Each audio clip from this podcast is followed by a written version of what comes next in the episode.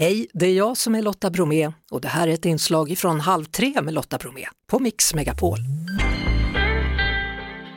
Oskar Arsjö, han är stilboksförfattare, välkommen hit. Varmt tack. Ja, vi står ju inför höstsäsongen här och vill veta hur man ska klä sig. Och för ett par veckor sedan så pratade vi om mode för kvinnor med Martina Bonnier, så nu vill vi gärna höra om höstmodet för män. Ja, vad härligt, äntligen. Det finns ju glädje också med att sommaren är slut. Även om sommaren är fantastisk så är ju hösten modets säsong. Så att eh, alla vi modeentusiaster ser alltid fram emot hösten. Och jag blev så glad när jag såg dig när du kom in Alltså, Härligt. Otroligt snyggt klädd. Ja, tack, synd att det är radio. Ja, Ja. det är det. Eh, Man, men man kan i alla fall tänka sig, för det är bara svart så jag behöver inte göra några färgbeskrivningar här. Men vad, vad har du på dig? Ja, men jag har en liten vidare byxa på mig idag med, med dragsko, så en liten eh, hybrid mellan finbyxa och joggingbyxa eller träningsbyxa om man nu så vill, med en skjortjacka till det med lite stora utanpåliggande fickor och sen en tunnstickad svart tröja under som är rundhalsad. Blir du varm i det där? Det har ju varit ganska varmt väder. Ja, men det var alldeles utmärkt tycker jag. tycker, det kan ju vara utmanande att klä sig så här i övergången mellan sommar och höst och det är viktigt att jobba med lager på lager. Och den här skjortjackan är väldigt enkel och såklart att slänga av sig så att man inte har allt för tjocka tröjor så att man blir varm när man cyklar när solen plötsligt tittar fram. Som en stilig man då, eh, vad säger du? Hur tycker du män från, låt oss säga 35 år uppåt, hur tycker de klär sig nu för tiden? Ja, men jag har varit verksam i, i herrmodet och verkat för, för modebranschen i, i 20 år nu och har sett ett tilltagande intresse och passion för att klä sig bland svenska killar. Och det tycker jag såklart är fantastiskt. Och en gång i en tidning så sa jag att Vasastadsbon är den bäst klädda mannen i världen. Och det fick jag lite frågor kring, är inte italienaren bättre klädd, menade många.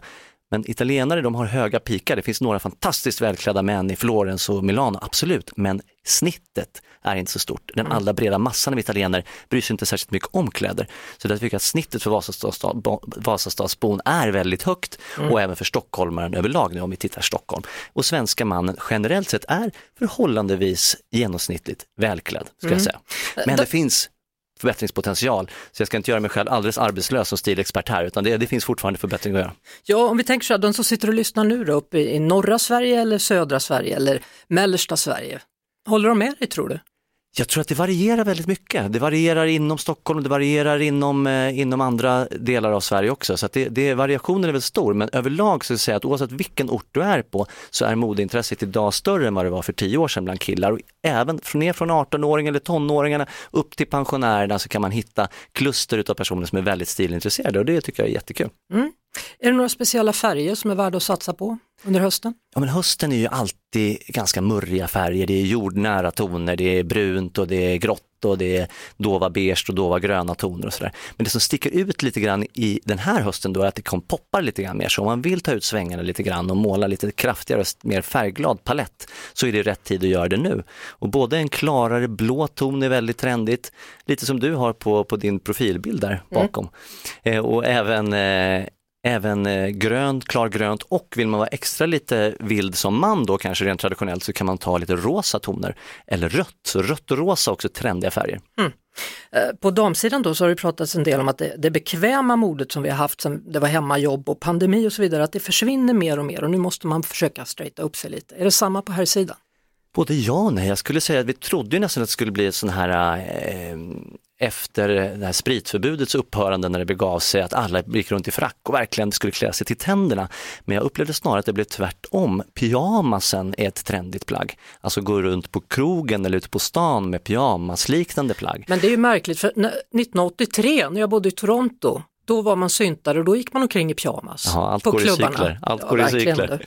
Så det är snarare att man tagit med sig coronakläderna ut på gatan då snarare än att man går ut i frack då för att skulle vara raka motsatsen. Du, om man nu är i övre medelåldern och vill visa att man har lite koll på mode men inte blir en patetisk man i sina bästa år, hur, hur ska man göra då? Ja men precis, det är, ju, det är ju alltid, man vill ju vara med, man kanske inte vill bli ansedd som popmorfar. Så då kan det vara bra att välja vilka trender man anammar.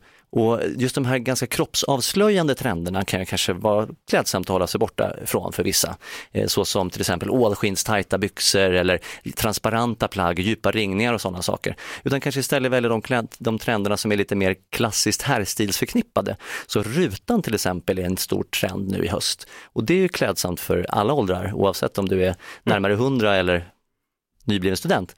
Så rutor kan man, kan man ta till sig, även den dubbelknäppta kavajen, den har bubblat ganska länge men i år får den, i höst får den verkligen sitt genomslag. Så dubbelknäppt kavaj är också en sån trend som man kan anamma och varför inte plocka upp någon trendfärg då som vi pratade om i en bröstnäsduk eller i en t-shirt eller tröja sådär. Spännande. Höstmodet för män, tack så mycket Oskar Arsjö, stilboksförfattare. Nästa vecka dyker du upp igen då, då ska vi kolla politikerna och deras klädsel. Det ser vi fram emot.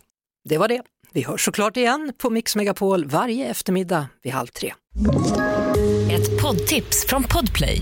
I fallen jag aldrig glömmer djupdyker Hasse Aro i arbetet bakom några av Sveriges mest uppseendeväckande brottsutredningar. Går vi in med hemlig telefonavlyssning och, och då upplever vi att vi får en total förändring av hans beteende. Vad är det som händer nu? Vem är det som läcker? Och så säger han att jag är kriminell, jag har varit kriminell i hela mitt liv men att mörda ett barn, där går min gräns. Nya säsongen av Fallen jag aldrig glömmer på Podplay.